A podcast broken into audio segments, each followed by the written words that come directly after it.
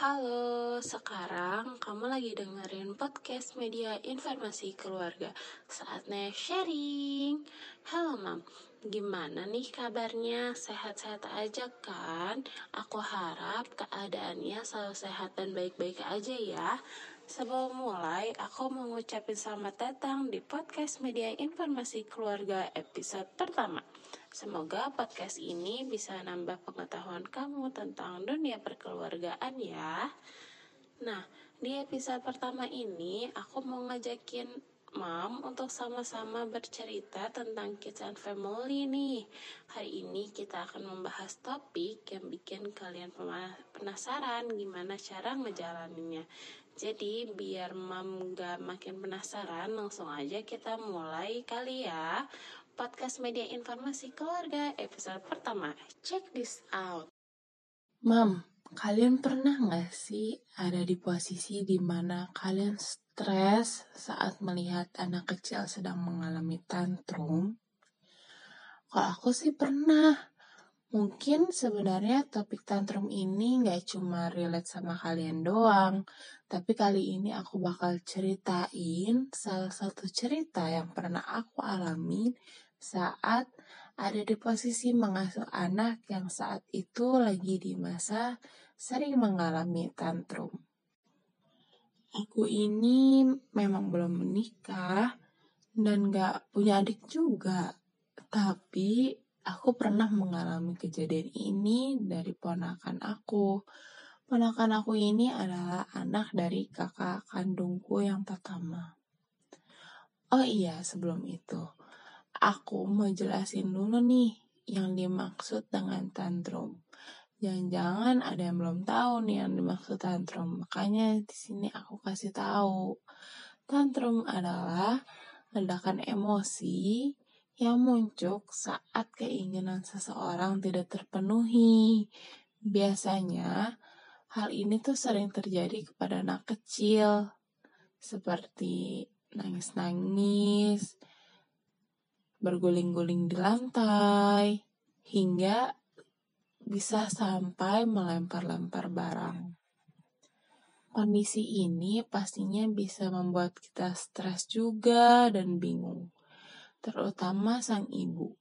Namun, jika anak mengalami tantrum, itu merupakan hal yang wajar ya, Mam.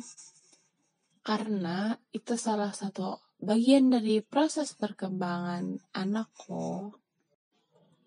Oh iya, tantrum itu tidak hanya dialami oleh anak kecil loh. Orang dewasa juga bisa mengalaminya. Kalau orang dewasa itu, kalau sedang mengalami tantrum, biasanya itu bisa jadi tanda adanya gangguan mental tertentu. Bisa jadi karena pola asuh yang salah saat kecil, yang pernah mengalami kekerasan fisik dan bisa terjadi karena penyalahgunaan obat-obatan. Pernah nih ada yang nanya ke aku, tantrum yang dialami oleh anak kecil itu selesai ketika usia berapa sih? Tantrum itu akan hilang rata-rata ketika umur 5 tahun. Tapi itu tergantung dengan pola asuh juga ya. Kalau pola asuhnya membuat anak tidak nyaman mungkin bisa lebih tapi makanya kita buat ngasuh anak tuh dengan posisi yang menurut dia juga nyaman ada yang tahu nggak cara melayaninya anak kecil ketika tantrum sebenarnya nggak susah kok caranya itu ketika ingin berbicara dengan anak kecil yang sedang mengalami tantrum, Pastikan dulu sebelumnya kalau anak kecil itu sudah padam amarahnya. Jadi ketika sudah padam, barulah kita berbicara. Dengan cara seperti itu, nanti anak kecil akan mendengarkan omongan kita dengan baik. Tapi kalau kita ajak bicara dia ketika lagi marah-marahnya, itu yang ada dia malah makin memberontak dan tidak akan dengar omongan kita. Nah, aku jadi kepengen cerita nih pengalaman aku ketika ngasuh keponakan aku yang pada saat itu sedang mengalami tantrum juga. Cerita ini pas ponakan aku di usia 3 sampai 4 tahun. Dia itu sering banget merasakan tantrum. Apalagi saat itu dia sudah memiliki adik. Makin-makin gak tuh tantrum tantrumnya. Jadi ponakan aku saat ini sedang makan, saat dia mau makan tuh nggak ditemenin sama bundanya. Tapi setelah makan, ketika dia mau minum, kalau kalau mau diminum harus ditemenin sama bundanya. Saat itu bundanya sedang gantiin popok adiknya. Terus dia nangis-nangis, marah-marah karena minumnya cuma mau ditemenin sama bundanya.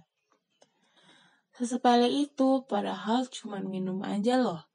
Yang biasanya dia udah bisa melakukannya sendiri, tapi kali ini walaupun hanya sekadar untuk minum, dia tetap mau minum kalau ada bundanya di sampingnya aja. Pengalaman yang lain itu ketika dia habis dari toilet. Biasanya dia kan pakai celana mau aja sama yang lain atau pakai celana sendiri. Tapi karena lagi di masa-masanya tantrum, jadi saat itu dia hanya mau dipakein sama bundanya. Sebenarnya banyak sih pengalamannya. Rata-rata tuh dia kalau lagi tantrum pasti selalu mau sama bunda terus. Padahal saat dia mengalami masa itu, dia baru saja memiliki adik baru yang masih kecil. Yang seharusnya bundanya meladeni adiknya, tapi karena lagi masa-masanya tantrum, jadi begini deh. Ya mau gimana lagi? Kalau waktu itu saya belum ada ilmunya mengenai tantrum ini. Kalau misalnya saya udah tahu, mungkin saya akan melakukannya seperti itu saat itu. Oh iya, ada yang mau aku sampaikan nih ke mam kalau kalian lagi ada di posisi itu kalian harus pastikan dulu emosi dari anak itu sudah padam atau belum. Terima kasih mam sudah bertahan sampai akhir di podcast media informasi keluarga episode pertama. Semoga podcast ini bisa menemani hari para pasangan yang baru menjadi orang tua dan juga untuk kalian yang masih belum menikah bisa jadi pelajaran juga untuk ke depannya. Tapi ingat ya, ambil yang baiknya aja. Kita ketemu lagi di podcast media informasi keluarga di episode berikutnya. See you.